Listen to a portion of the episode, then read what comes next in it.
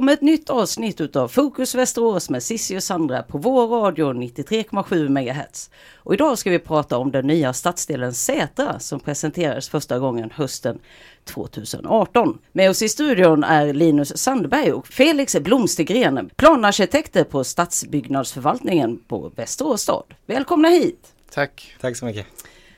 Ja, vi kanske ska börja med geografin. Den det här nya stadsdelen Sätra, vart ska den ligga? Vart planerar ni den? Sätra är en helt ny stadsdel. Det finns ju inget namn än. Eh, eller en stadsdel idag. Utan det är en helt ny stadsdel då som vi planerar för. Eh, och den ligger i nordvästra delen av Västerås. Och avgränsas egentligen av Norrleden i nordväst. Av Vallbyleden i nordöst blir det. Och bostadsområdet Brottberga. Och sen har vi också bostadsområden Hagaberg och eh, Eriksborg som ligger i sydöst och öst om Säterområdet. Och i sydväst så avgränsas området egentligen av eh, Surahammarsvägen och Erikslund. Mm. Hur, stort, så det är hur stor, stor yta är det som det handlar om, som man ska bygga på? Hela FÖP-området, fördjupning av översiktsplanen, är på cirka 80 hektar. Men det som Felix har ansvar är nu, detaljplanen är på 52 hektar vad ska vi säga, 52 hektar. Det är ungefär 74 fotbollsplaner skulle jag säga. Fullstora. Ja. Men då ska vi komma ihåg att en stor del av det vi planlägger nu är ju naturmark. Och inte nya bostadskvarter. Och vad betyder det då, naturmark? Att vi behåller de, den skog som finns på plats idag, större delen av den. Ja. Vad kommer Sätra område att innehålla? Förutom bostäder som du, ni nämnde. Ja, vi, vi, sparar en stor del av den skogen som finns idag. Eh, som har höga naturvärden och vi har också sett enligt eh, vår dialog att det är många som använder skogen för rekreativa aktiviteter. Så den kommer att bli kvar. Eh, och sen vi kommer bygga bostäder. Det kommer både vara lägenheter, villor och radhus. Eh, sen kommer vi ha samhällsservice, en stor del med skolor, förskolor, idrottshall, idrottsplan. Vi möjliggör för ett äldreboende, eh, ett kulturhus hoppas vi kunna få in mm. och ett mobilitetscentrum eller mobilitetshus där man ska kunna parkera. Men det ska också finnas andra saker. Man, vi hoppas till exempel att man ska kunna hyra en cykel eller att vi har sopsortering eller sopsug eller liknande sådana saker som inryms där också. Mm.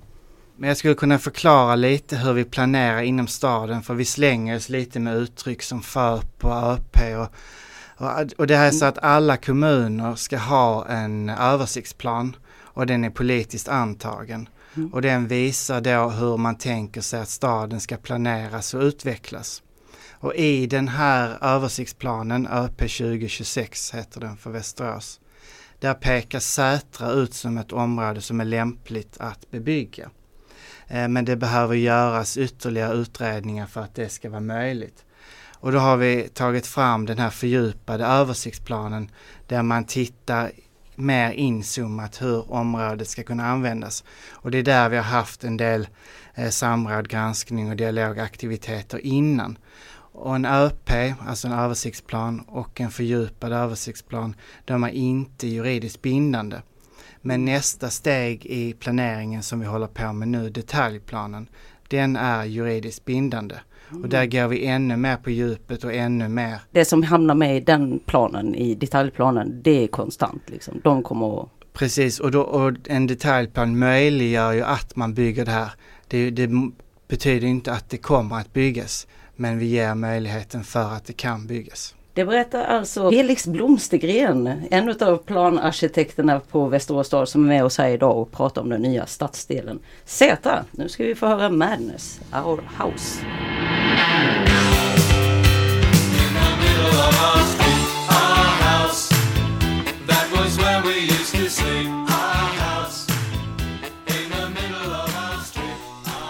Ja, det där var Madness, Our House och vi pratar med Linus Sandberg och Felix Blomstergren, planarkitekter på Västerås stad, om stadsdelen Sätra. Hur långt har projektet kommit hittills? Den FÖPen som Felix pratade om antogs och godkändes precis innan sommaren här.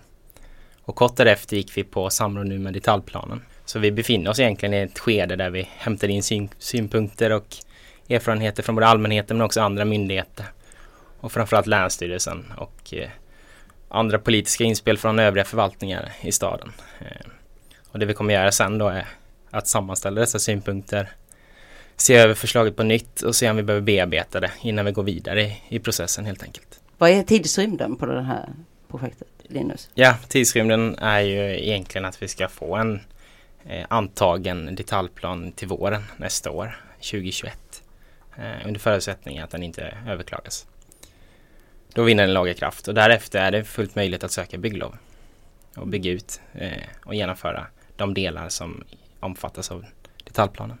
Projektet var senast ute på samråd från 6 augusti till 7 september och det har även varit ett par medborgardialoger tidigare. Eh, vad har man kommit fram till under de dialogerna? Felix? En viktig synpunkt som har kommit fram är hur mycket skogen används idag eh, och att man gärna vill att den ska bevaras. Och, och den synpunkten fångades upp redan i FÖP-arbetet då. Och lite nya frågor som har fångats upp eh, handlar ju om trafiksituationen också. Mm. Och det hanterades på en nivå i FÖP-arbetet men har nu hanterats ytterligare i detaljplaneskedet. Och trafiksituationen i området, de som bor i närheten känner ju till Vallbyleden och Norrleden. Mm. Att det är svårt att ta sig ut. Och där har vi nu med i detalj kikat på möjliggöra för en cirkulationsplats som kommer förbättra trafiksäkerheten.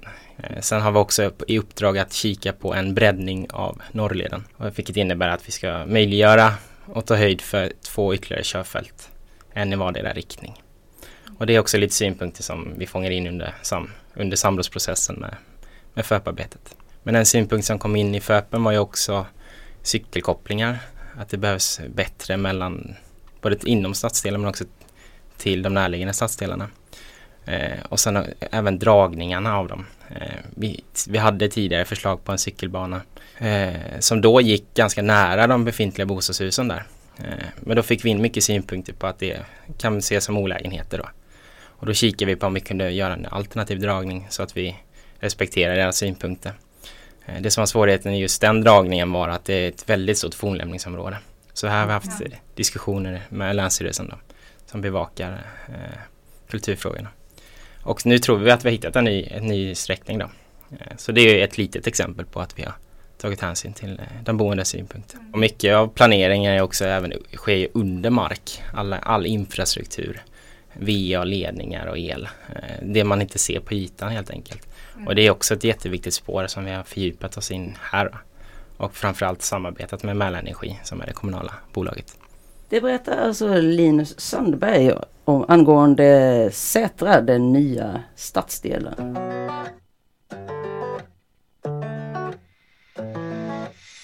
Lev nu, dö sen, tänk inte mer på morgondagen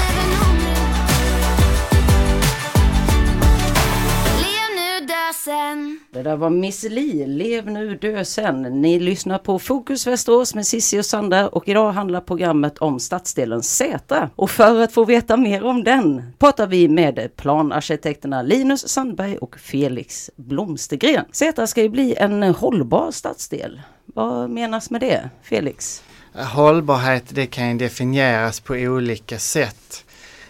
Um, jag kan bara ta lite snabbt resonemang om att vi ska ju helst inte bygga på eh, jordbruksmark för den ska användas för matproduktion.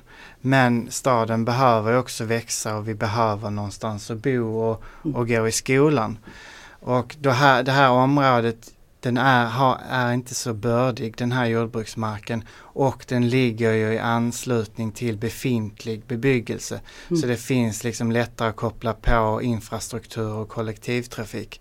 Så på det sättet är det hållbart att vi, att vi bygger åt det här hållet. Mm. Och sen när vi då tar jordbruksmark i anspråk då är det viktigt att vi utnyttjar den marken på ett bra sätt också.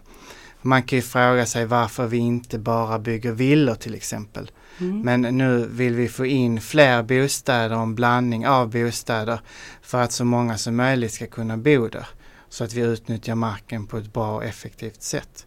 Det är ett sätt att se på hållbarhet. Sen finns mm. det ju mm.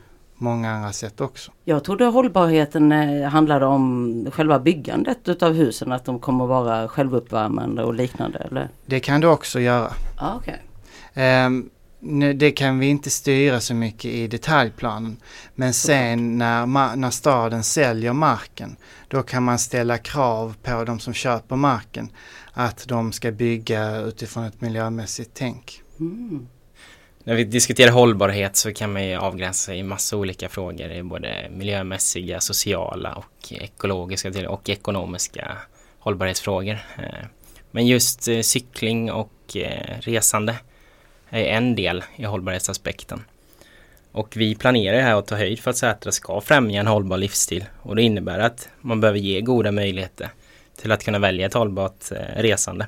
Både inom stadsdelen men också mellan andra stadsdelar. Och så vi planerar in både cykelstråk som ska kunna, man snabbt ska kunna passera stadsdelen men också viktiga kopplingar till redan befintliga stadsdelar. Och då har vi Brottberga, Hagaberg, Eriksborg och framförallt Erikslund då, där mm. vi tror att många kommer vilja ta sig till för att handla. Mm. Det är bara ett stenkast bort. Ja, eh, och om vi nu ska göra de mer hållbara transportmedlen attraktiva och då talar vi om cykel, kollektivtrafik och, och eh, gående så krävs en säker, trygg och estetiskt tilltalande utomhusmiljö.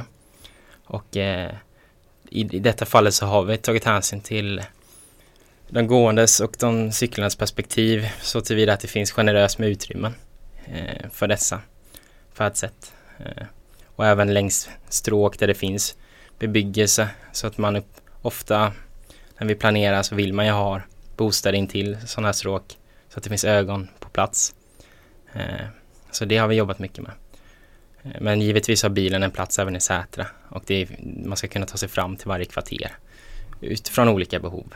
Eh, men vi har verkligen satsat på just de gående och de cyklandes perspektiv. Sen ska vi komma ihåg att det är en bit från stadens centrum. Det ligger 4 till 5 kilometer bort. Mm. Så vi kikar ju även på hur man kan förbättra kopplingen in mot centrum. och åtgärda lite flaskhalsen som finns. Så projektet är större än bara Sätra. Mm. Och det kommer även vara till nytta för de boende som bor redan i de angränsande stadsdelarna. Hur många är det som kommer kunna bo i det här området? Nej. Ja, eh, hela FÖP-området pekar ut ungefär 2000 till 2500 bostäder. Och I detaljplanen som vi ansvarar för är det cirka 1100 bostäder. Och 100 av dem är ju i ett äldreboende, lägenheter. Eh, men man kan väl räkna i snitt på 2,5 personer per boende va? Ja. Så cirka, vi skulle tro 5000 boende eh, i hela stadsdelen. Så det är, det är en stor stadsdel. Bra, och nu ska vi lyssna på en västeråsare, Pugh Rogefeldt, Små lätta mål.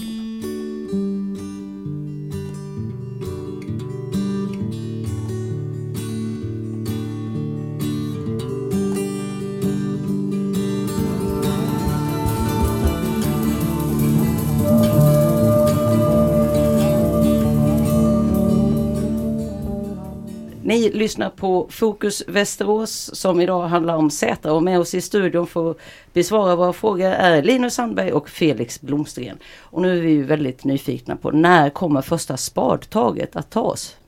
Vem svarar på den frågan? Det är Linus. Ska jag ta den? Eh, ja, det beror lite på vad man menar med första spadtaget. Eh, gäller det infrastrukturen, alltså när man ska bygga ut vägarna, eh, så hoppas vi väl eh, att man ska komma till skott nästa år. Mm. Men är det första spadtagen för, för bostadshus så blir det nog först året därpå skulle jag tro. När kan hyresgästerna flytta in då? Ja, det brukar ju ta ytterligare ett år efter första spadtaget till, till husen står på plats. Och det gäller inte bara hyresgäster här utan det gäller de små, även småhusbebyggelsen och eh, lägenhetshus med, med bostadsrätter. Det ska ju sägas att vi som jobbar med detaljplanen inte kan styra upplåtelseformen.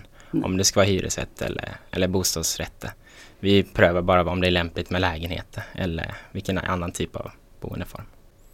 Men det är som jag sa en bit bort i tiden. Eh, mm. Och det är också därför vi har jobbat parallellt med FÖPens process och eh, DP-processen för att vinna lite tid. Men processerna måste få ta sin gång eh, eftersom det utgör en lämplighetsprövning och möjlighet till insyn och chans till att utveckla förslagen så bra det bara går under den processen som finns. Mm. Men det är, det är en bit bort fortfarande. Eh, och detta är då under förutsättning att vi kommer fram med en detaljplan eh, som vinner lagerkraft då nästa år. I början av nästa år. Om den inte skulle vinna lagerkraft, vad händer då? Då får man göra om eller? ja, alltså, det beror ju på om det är varför den inte vinner laga kraft. Om det uppkommer synpunkter eller situationer som behöver lösas som gör att arbetet stannar av. Då kan man ju fortsätta, man kanske skickar ut den på samråd eller granskning igen. Men eh, det kan ju vara också att planen överklagas. Eh, och eh, då om vi förlorar det målet så får vi i så fall börja om på nytt om vi skulle vilja planera det här mm. området. Det är därför man får säga att det är enligt planen. Ingenting är karvat i sten ännu så länge. Ja, precis. Nu är vi på detaljplanssteget. Men eh, nästa steg sen då. Nu har eh, vi pratat om den här medborgardialogen som har varit och där har varit ute på samråd. Och vad händer sen efter att det samråds, det som har kommit in från samrådet när det har bearbetats? Vad händer sen? Nu sammanställer vi alla synpunkter som eh, vi har fått in under samrådet och då gör vi en samrådsredogörelse Eh, där vi då också besvarar de här yttrandena på samrådet. Och eh, utifrån behov vad vi kan ändra på detaljplanen om det är något som behöver ändras så tittar vi på det. Och vi redovisar de här eh, synpunkterna och eventuella förändringar för politiken eh, som sen tar ställning till detta om vi ska sända ut planen för granskning. Så det är ungefär som samrådet fast det är en andra omgång. Och då har man chans att lämna ytterligare synpunkter på förslaget. Är det många som har synpunkter på de här förslagen? Jag kan väl säga att vi hade fler synpunkter i, i FÖPen när den var ute på samråd. Men det var också tidigare i processen. Och det var nytt. Jag tror inte... För, alltså det har ju satt sig lite mer förslaget nu. Eh, folk är väl mer inspelta eh, och för, har förstått nu att vi vill bevara stora delar av skogen. För vi ser det som en kvalitet. För annars var det mycket synpunkter kring det. Mm. Och sen redan då var det synpunkter till trafiksituationen. Men det åtgärdar vi nu eh, i detaljplanen här. Så vi har väl fångat upp mycket av de synpunkterna. Sen ska du säga att samrådstiden är inte över än utan det pågår till den 7 september. Eh, så det kommer komma in fler synpunkter. Och när du, du nämnde skogen, jag tänker finns det några särskilda arter eller något som bor i den här skogen som folk har varit rädda om eller som det ligger under skydd eller något? Det har upptäckts att det finns en hel del olika fladdermössarter i skogen som okay. är skyddsvärda. Okej. Okay. Hur, tar man, eh, hur tar man med det i beräkningarna? Ja, man, man kan ju tänka på att det är viktigt att man bevarar skogen där de bor. Eh, men också frågor som har kommit upp är till exempel gatubelysning, hur det påverkar och eventuellt stör fladdermössen. Mm. Både i deras jakt och i deras sömn. Mm. Och det har tagits fram ett belysningsprogram där man har tittat noggrannare på det här för att vi ska störa fladdermössen så lite som möjligt. Det låter spännande. Vad är det för ett belysningsprogram? Eller vad, hur fungerar det? Ja, man tittar på till exempel hur belysningen ska placeras och vilken eh, Kelvinskala, alltså vilken färgtemperatur belysningen ska ha för att då påverka fladdermössen så lite som möjligt. Mm. Och vad ser de med ultraviolett? Eller det är kanske är en fråga för det, Länsstyrelsen. Ja, det är en egen fråga för en biolog. Ja. ja. Men det, det, det som Felix säger är ett bra exempel på att vi måste av, göra en avvägning mellan olika intressen. Vi vill ju såklart ha belysning för att det ska vara tryggt och säkert för de som passerar området. Men samtidigt har vi den här artfrågan vi måste hantera. Och detsamma gäller fornlämningar och eh, andra biotopskydd som finns i området. Så det är det här vi jobbar med dagligen och väger de här intressena mot varandra. Eh, och det är också det som gör arbetet roligt. Tack så jättemycket eh, Linus Sandberg och Felix Blomstergren för att ni kom hit. Tack så mycket. Tack så mycket. Det var allt vi hade att bjuda på denna gång. Nästa avsnitt av Fokus Västerås med Cissi och Sandra handlar om grannar som stör och om hur Mimes störningsjour hanterar sånt. Och vad de tillåter och inte. Det hör ni här på vår radio 93,7 MHz på måndag den 30 november. Redan sända program hittar ni på acast.com. Kom ihåg att lyssna på Fokus Västerås. Din, Din trogna vän i eten.